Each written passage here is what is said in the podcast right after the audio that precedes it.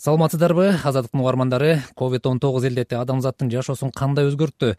Пандемиядан канткен арылабыз дүйнөлүк саламаттык сактоо уюмунун европадагы регионалдык бюросу тарабынан түзүлгөн ден соолук жана турукту өнүктүрүү маселелери боюнча жалпы европалык комиссия жакында бул тууралуу баяндамасын жарыялаганы турат комиссияга бир катар мамлекеттердин экс президенттери мурдагы өкмөт башчылары жана эл аралык эксперттер кирет алардын арасында кыргызстандын экс президенти роза отунбаева да бар.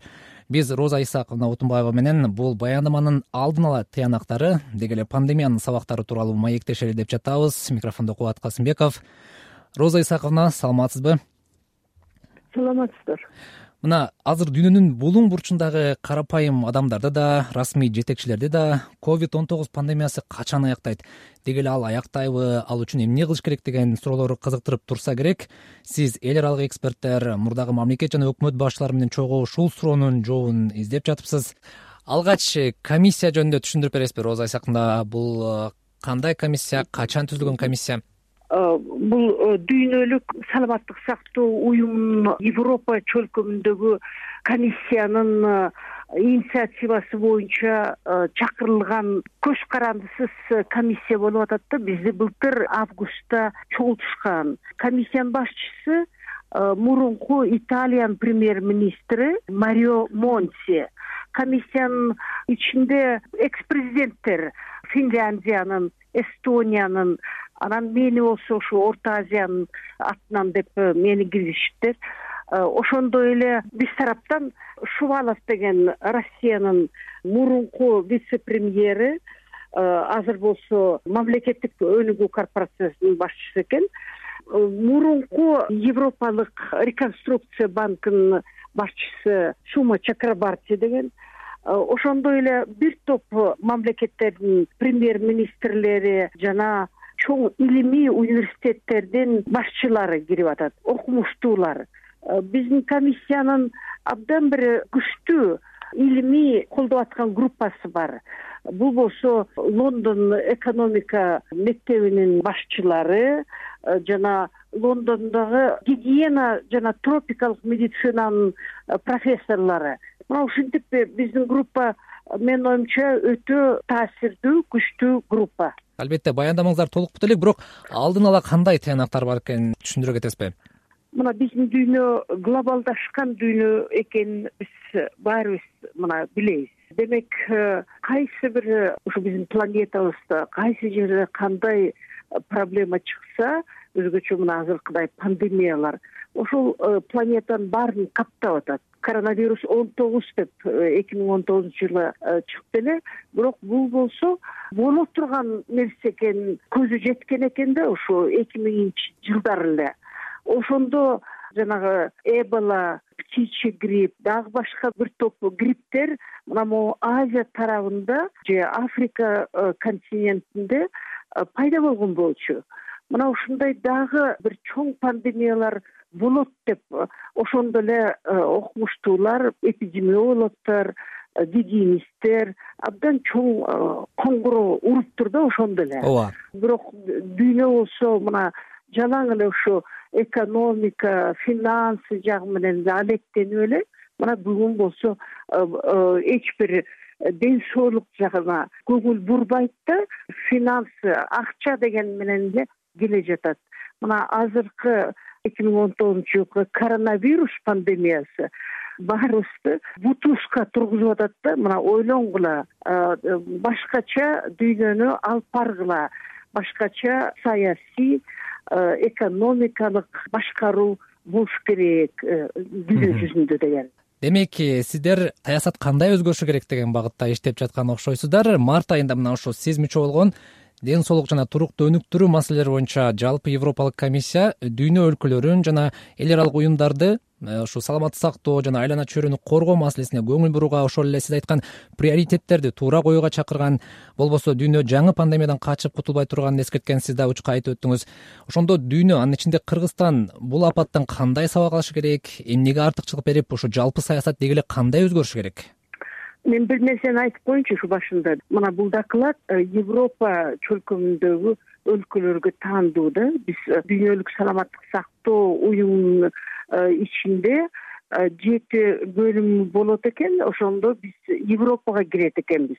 Элүү үч өлкөгө таандуу доклад болуп атат. Биз өкмөттөрдүн же мамлекет башчыларына кайрылып айтып атабыз. Кандайча саясатты жүргүзүш керек деп мына элүү үчтүн ичинде кыргызстан да бар. Мен айтат элем биринчиден бул доклад негизи дүйнө жүзүндөгү башкаруу жөнүндө саясий башкаруу. Биз билебиз го финанс экономика жагында бир он жылдан кийин эле бир декада өтсө эле кризиске биз учурап атабыз дүйнө жүзү. Ар бир он жыл он беш жылдын ичинде. Мисалы мына эки миң сегизинчи жылкы финансылык кризис абдан көпкө созулду да анын кесепеттери кыйналды дүйнө жүзү. Мына ал жерде финансы жакта экономика жагында бир топ инструменттерди иштеп чыгышыптыр алар азыркы мына биз айтабыз го жанагы эле коопсуздук буунун коопсуздук кеңешинин беш өлкөсү эмес дагы жи двадцать деген өлкөлөр бар анан кийин андан тышкары дагы туркия э, бразилия дагы башкалары дагы бир ушундай уюмдарды альянстарды түзүп атат. Башкача айтканда ушулардын баары бир инструменттерди жаңы бир абдан маанилүү инструменттерди иштеп чыгып ошону менен колдонуп атышат. Азыр мына э, ушул пандемиялар э, пандемия болсо эмнеден чыгып атат? Бул үч бөлүк адамзаттын ден соолугу жаныбарлардын ден соолугу. Анан үчүнчү болсо мына экология биздин тегеректеги чөйрөбүз ушул үчөөнүн ортосунда баланс болуш керек байланыштар болуш керек. Ушул бузулуп кетип атат. Ошону мына кесепет менен мондай пандемия эпидемиялар э, пайда болуп атат. Ушул келечекте биз воз деп коебуз дүйнөлүк э, саламаттык сактоо уюму дейбиз өзүнчө дагы э, жаныбарлардын баарын алардын да ден соолугу боюнча дагы бир өзүнчө уюм бар экен эл аралык. Ошондой эле юнет деген бар. Бул болсо экология окружающий среда деген. Ал өзүнчө уюм эл аралык э, буунун алдында. Анан фао бул болсо айыл чарба уюму. Ар бири өзүнчө өзүнчө иштешет да а келечекте жалпы саламаттык сактоо бир уюм болуш керек деп биз азыр ушундай чакырык таштап атабыз. Бул деле мен айтат элем жанагы эле биздин докладдыкы биздин комиссиянын чыгарганы эмес. Бул мына э, он жылдан бери иштелип келе жаткан идея экен. Өлкөлөрдүн ортосунда э, саламаттык сактоо боюнча э, ошо тобокелчиликтер боюнча ушундай дагы бир кеңеш түзүлүш керек.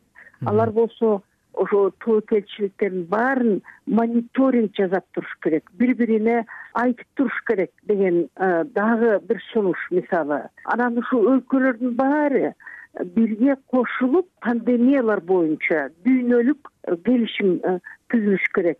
Анткени мына биз э, болуптур бир кишини аяктырат экенбиз миң кишини аяктырат экенбиз. Бирок бүгүн кайсы ооруду албасаң мына ушундай жугуш ооруларды булар планетага бырпасы жайылып кетип атат. Мына биз коронавирус деп баштады эле азыр болсо мутациялар аркылуу кандай гана түр түрлөрүндө? Мына индийский штамм анан кийин бразильский штамм анан британский штамм деп ошентип чыгып атат пандемиядан башыбыз чыкпай тургандай бир келечекке бараткан сыйбыз да. Ошон үчүн биз үйрөнүшүбүз керек экен. Кантип биз жашайбыз келечекте? Түшүнүктүү кантип биз өзүбүздү сактайбыз? Кантип биз нормалдуу экономика окуу эмне болбосун адамдар кайсы бир өзүнүн ишмердигин жасап атса да ушундай э, пандемия учурунда иштебесе болот деген демек э, сиз айткан ушу элүү үч өлкө ушу баяндамада айтыла турган сунуштардын негизинде анын ичинде сиз айтып кеткен ушул үч багытка дагы басым жасап өз саясатын иштеп чыгышы керек окшобойбу ошол эле учурда роза исаковна бир суроо жаралат мисалы дүйнөлүк экономикалык форум э, саламаттык сактоо тармагы экономикага түздөн түз байланышта деп билдирип жатпайбы? Мисалы эл аралык адистер дагы пандемия теңсиздик маселесин ачыкка чыгарганын белгилеп келишет. Сиз дагы март айындагы ушу расмий билдирүүдө бул маселеге токтолгонсуз. Мисалы элди эмдөөдөн өткөрүүдө өнүккөн өлкөлөр менен жакыруу өлкөлөрдүн ортосунда чоң айырма бар экенин э, адистерде бир ооздон эле айтып жатышат.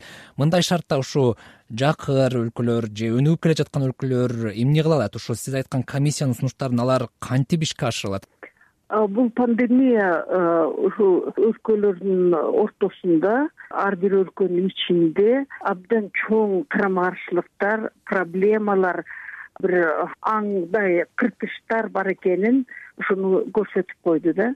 Кедей менен э, байлар э, ошондой эле такыр э, аялуу бир катмарлар ушулардын баарынын бар экенин аларга болсо жетишиксиз саламаттык сактоо сервиси берилип атканын билдирди. Мына мен элүү үч европаны айтып атпаймынбы биз болсо орто азия түштүк кавказ биз баарыбиз ушуга кошулуп калыптырбыз. Эми ал жерде батыштагы өлкөлөр бар. Мисалы мына кыргызстандыкы бир жарым миң ошого жетип турат окшойбуз. Доллар бир адамга на душу населения деген ички жыйын деген. бар. А мисалы люксембург деген бар. Ал жерде болсо жүз отуз же жүз элүү миң доллар мисалы да. Эми айырмаларыбыз өтө өтө чоң да биздин ортобузда да. Моундай эки миң он тогузунчу жылкы пандемия аркылуу биз эми биринчи жолу чынын айтканда моундай ушул кылымда жыйырма биринчи кылымда биз жолугуп атабыз моундай кризиске. Анткени жыйырманчы кылымда бир топ пандемиялар өтүптүр. Испанка деген абдан чоң бир ошол грипп ал да канча кишилерди алып кетиптир. Холера чума дегендин баары ошолордун баары болгон мына эбола деген жыйырманчы кылым биздин эле убакта өттү эле эболаны болсо африкадагы европа басып койду. Мына азыр эми биз ушуга учураганда көрүп атабыз эң эле бир эффективдүү жолу бул болсо вакцинация эми мына вакцинация биз же өзүбүздүн заводубуз жок. Бизге окшогон өлкөлөр аз эмес. Мына ушул эле европа чөлкөмүндө да э, бар ошондойлор. Бир он чактысы эле чыгарбаса башкасынын баары э, сатып алып атат ушул вакцинаны. Эми мындай бир вакцина империализми болбосун деп вакцина кедей өлкөлөргө же болбосо ошо э, мындай колунан келбеген өлкөлөргө баарына жетиш керек деген мына бүгүн чакырыктар турат. Булар болсо баягы э, колунан келген өлкөлөрдүн баары эле качан эле сүйлөшүп дагы беребиз дешти бирок логистика жагынан абдан көп кыйынчылыктар болуп атат. Мына биздин жаныбыздагы кытайдан биз э, алып келе албай бир ай эки ай болуп кетти. Эми шылтоолор көп бизде логистикадан тышкары мисалы биз биринчи жолу ушуга урунуп атабыз Э, абдан уюштуруу жактары өтө начар болду. Эми аны сөз жок э, биздин саламаттык сактоо министрлиги нөл деген баа болсо нөлдөн төмөндө койсо аз болот менин оюмча. Мына ошондуктан бул жерде баарыбиз экзаменден өтүп атабыз. Эл болсо чыдабай волонтерлук кыймылдар катуу болуп мына кыргызстанда былтыркы ошо кризисте волонтерлор көтөрүп кетишти. Быйыл болсо даярдык болот экен десе быйыл деле. Быйыл вакцина э, болбой калды. А вакцинаны болсо ага күрөш экен да мына дүйнө жүзүндө. А биз вакцинаны эч кенебей койдук? Аны алып келгенине биз кереги жок дедик э, астрозенека анан э, бул жок тигил жок деп эми ошонун баарын ойлонуш керек экен да. Башкача айтканда акча финансы керек логистика керек экен. Анан кийин э, ар бир өлкөнүн өзүнүн уюштуруу э, жактары э, күчтүү болуш керек экен.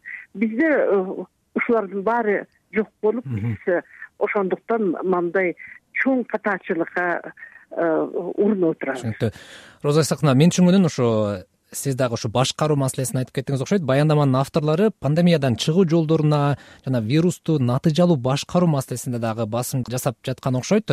Начар башкаруунун кесипети кандай болоорун дүйнөнүн бир катар өлкөлөрүндөгү ошо коронавирустан көз жумгандардын аянычтуу окуялары көбөлөп койбодубу сиз да учкай токтолуп кеттиңиз. Ошондо мисалы баяндаманын э, алдын ала тыянактарына таянсак э, ошол эле алдыдагы пандемияларды алдын алыш үчүн кандай бир эффективдүү башкаруу керек? Мисалы кыргызстан кандай сабак алып э, саясатын кантип өзгөртүшү керек? Э, мен дагы бир жолу айтып коеюнчу биз ушул глобалдык деңгээлде алты континентте э, ушундай өзүнчө моундай группалар бар да бостун группалары. Биз азыркы докладыбыз бул жалаң эле европа континентинин инициативасы ушуну карап бир чоң дискуссиялар пайда болот. Дискуссиянын негизинде чечимдер пайда болот деп. Анткени мисалы жыйырма жети өлкө европа чөлкөмүндө. Булар европалык кеңешке кирет. Беш өлкө анын ичинде биз да барбыз кыргызстан биз евразеске киребиз. Дагы бир топ ушундай альянстар бар. Ушул жанагы элүү үч өлкөлөр баары ушундай бир союз альянстарга киришет да баары алар иштеш керек. Мына биз евразес аркылуу бир эмени сезип атабызбы так билбейбиз. Мен мисалы эч алардын чечимдерин да уккан жокмун. Алар эмне кылып атат? Эч белгисиз. Европалык кеңеш болсо мына ушул биздин докладдын негизинде алар э, бир жакшы чечкиндүү нерселерди кабыл алат деп э, ишенимдебиз биз анткени бул дүйнө жүзүндө эң күчтүү бир э, союздардын бири болуп эсептелет да европалык кеңеш. Демек бул уюштуруу жагынан ар бирөө өздөрү мына өзүнө жыйынтык жанагындай чараларды иштеп чыгыш керек. Э, биз э, болуптур ошо евразес аркылуу билбейм башкалар сезип атабы. Мен мисалы э, билбейм да сезбейм да окуган да жокмун ал жөнүндө эч кандай кабарды мына биз өзүбүзчө эле кыргызстан иштешибиз керек. Өзүбүздүн элибизди өзүбүз сакташыбыз керек. Бул милдет биздин мамлекеттин биздин өкмөттүн милдети. Жанагы чаралар болсо алар э, дагы э, дагы айтып коеюн бул глобалдык. Жана мен айтып аткандай э, дүйнөнү башкарып аткан дүйнөлүк саламаттык сактоо уюму ошентип бара бара өзгөрүш керек экен. Эч чектерди карабаш керек экен. Мына могу жаныбарлардын ден соолугу же болбосо адамдыкы. Мына мисалы э, бул э, өзү вирус каяктан келип атат? Бул зоонотический э, инфекция деп атабыз вирус деп атабыз вирус ошо жаныбарлардын ошол дүйнөдөн келип атат. Биз муну да мындай келечекте жакшылап изилдешибиз керек экен. Э, демек бир суроо жаралып атат. Ушул глобалдык деңгээлде саясат кандай болуш керек деген багытта ошо сунуштар камтылганы жатпайбы баяндамадачы анан деги эле ушул сунуштарга сиз айтып жаткан э, жүйөлөргө глобалдык деңгээлде бир орток э, пикир барбы? Мындай да кылат мына биздикиндей докладдарды изилдөөлөр он чакты жасалып атат. Ар кандай. Мисалы мына лансет бул дүйнөлүк эң эле бир атактуу Э, ден соолук маселеси боюнча журнал. Ошонун э, алдында э, джеффри сакс баштаган дагы бир чоң группа иштеп атат. Биздин группа. Ошондой эле мындай бир атактуу атактуу илимий центрлерде бир он чакты доклад жасалып атат. Мына биздики болсо ушундай башкаруу проблемаларына көп мындай көңүл буруп атат да бул жерде. Мен жана айтып кеткендей биз э, финансы дүйнөсүндө кайсы инструменттер өзүн актап э, туура э, иштеген эффективдүү иштегенин алып биз да ошону саламаттык сактоого алып келели деп ушундай сунуштарды берип атабыз дүйнөлүк уюмдар өзгөрсүн деп. Алардын өзгөрүшү да бул азап мына акыркы отуз кырк жылдан бери буунун коопсуздук кеңеши өзгөрсүн деген э, дискуссиялар өтүп атат. Бул оңой менен өзгөрбөйт. Мына кырк жылдан бери э, бул жөнүндө сөз жүрүп атат бирок өзгөрүлбөйт. Э, демек мына ушундай нерселер азыр тез тез өзгөрүүгө тийиш экенин биз азыр көрүп атабыз мен айтат элем мына эң эле маанилүү бир значит вывод. Бул болсо Э, саламаттык сактоо бул приоритеттүү э, э, сфера болуш керек. Мына ушул күнгө чейин кенебейт булар значит өкмөттөр мамлекеттер кенебейт да азыр технологиялар чечип калды саламаттык сактоодо көп нерсени. Врачтардын билимдери сөзсүз. Бирок технология жагынан оборудование жагынан бул жака абдан көп акчалар жумшалат. Жеке менчик э, мамлекет менен бирге партнерствосу бар. Бул жагынан да биз көрүп атабыз өзгөрүүлөр бар. Бирок ошондо да мына саламаттык сактоо сферасы ошондой эле социалдык камкордук жагы өтө начар болуп атат. Ар бир өлкөдө европалыктар өздөрүн катуу критикалап атышат. Демек ушул жагынан мына бул өзүнчө маселе. Экинчиси болсо мына биз али климаттын өзгөрүүсү боюнча биз аны эми ченебей турабыз десем деле туура болот. Бирок буга өтө аз көңүл буруп атабыз. А бул да э, биз үчүн абдан чоң бир тобокелчилик абдан чоң э, проблема биз бул жагын деле э, дайыма көңүлүбүз ас болот. Ошондуктан мына биз мындай нерселерге даяр болушубуз керек экен.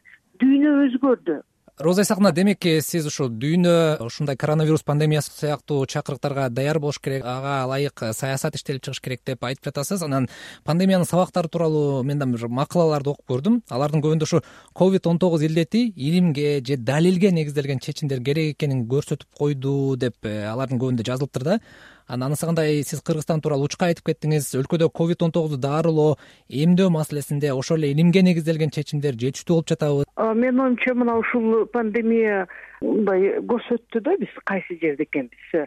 Советтер союзу урагандан кийин биз баягы баары менен эле бир агымда келе жатабыз. Бирок кайсы жерде экенибизди билбейчүбүз даана мисалы мына өзбекстан болсо булар кытайлар менен бирге өздөрү чыгара койду ушундай вакцинаны. Казакстанда булар да чыгарышты. Эми россия сөзсүз россия кытай бул өлкөлөр э, батыштан тышкары булар да э, сөзсүз э, чоң тажрыйбалуу өлкөлөр булар чыгарышты. А биз болсо такыр мына илим дегенде биз жылаңайлап калыптырбыз да булардын баары э, жок. Бизде биздин окумуштуулар болсо баары иш бар жерге көчүп кетишкен. Өздөрүнүн специальности боюнча башка бир э, көп жерлерде иштеп атканын биз э, угуп же билебиз дегендей. Мына азыр бул пандемия сөзсүз бизге көрсөтүп атат. Биз илимге көп көңүл бурушубуз керек. Мына муну айтайын десең баягы күнү оксфордто биздин э, өлкөнү э, бир э, отуз кырк өлкөлөрдүн арасында киргизиптир.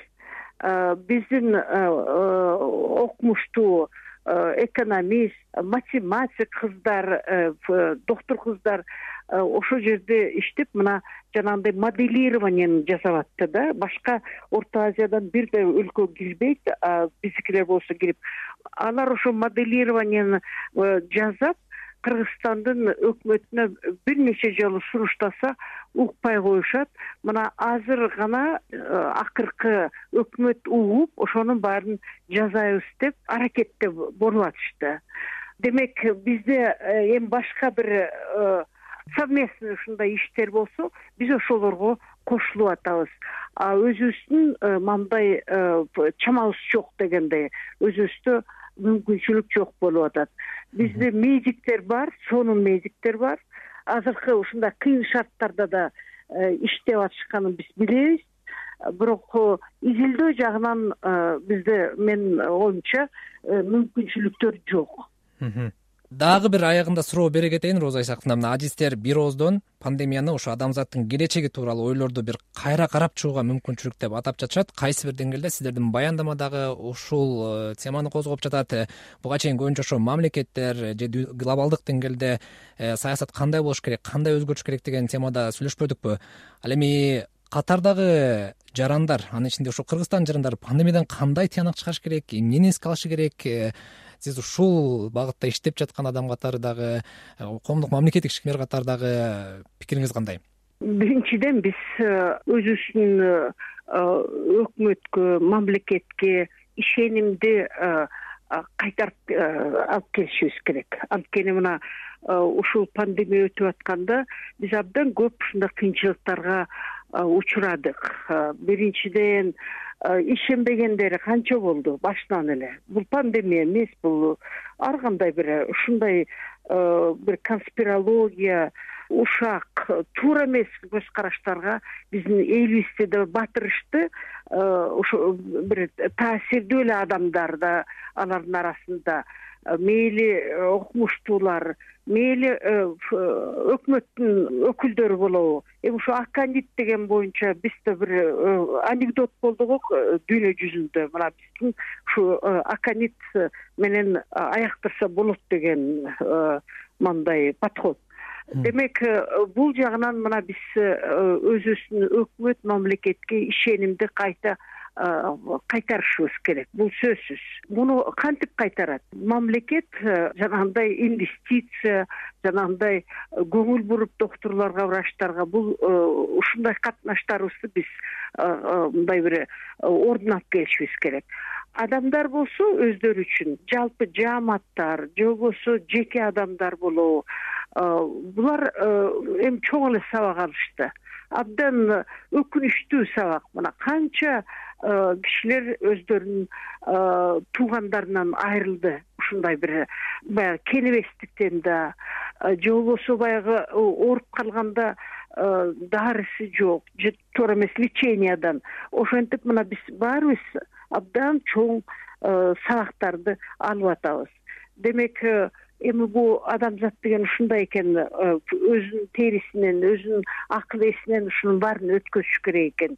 Демек мына кыргызстан эки жолу ушундай кара июль дейбизби же кандай дейбиз ушундайга учурады өттү. Эми азыр мына мисалы биз келечекте да ушундай пандемиялар ар кандай пандемиялар жалаң эле ушу коронавирус эмес дагы башкалары болсо биз ошого даяр болуп сабак алып дегендей гигиена бул өтө маанилүү. Биз мисалы ушу европа чөлкө менен кошулуп атканыбыз. Биз африка же азиянын бир өтө жакын өлкөлөрүнөн жогору анткени советтер союзундагы санитарно эпидемиологиялык э, сервис өтө жогорку стандарттарда болчу. Мына ошентип биз ошого жетишкенбиз. Эми ошону биз болсо такыр түшүрбөй алдыга гана тартышыбыз керек. И биздин мына э, мен айтат элем билим жагынан биз э, доктурларга врачтарга чоң көңүл буруп буларды болсо биз эч бир мындай кемсинтпей булар абдан жугуштуу зонага кирип өзүнүн өмүрлөрүн э, тобокелчиликке э, учуратып атат а биз болсо алардын ошо э, зарплаталарын же болбосо ошолордун премияларын бербей атканыбыз бул эми өтө өкүнүчтүү. Демек роза исаковна сиз мүчө болгон ден соолук жана турукту өнүктүрүү маселелери боюнча жалпы европалык комиссиянын дал ушул пандемиянын кесепети тууралуу баяндамасын сентябрь айында окуп калат экенбиз э? Ооба. Сентябрдын башында бул жарыкка чыгат. Анда ал чыкканда дагы буюрса кандай сунуштар болгонун э, окуйбуз. Э, сизге чоң рахмат роза исаковна рахмат сизге рахмат. Биз менен кыргызстандын экс президенти роза исаковна байланышта болду. Микрофонду кубат касымбеков аман туруңуздар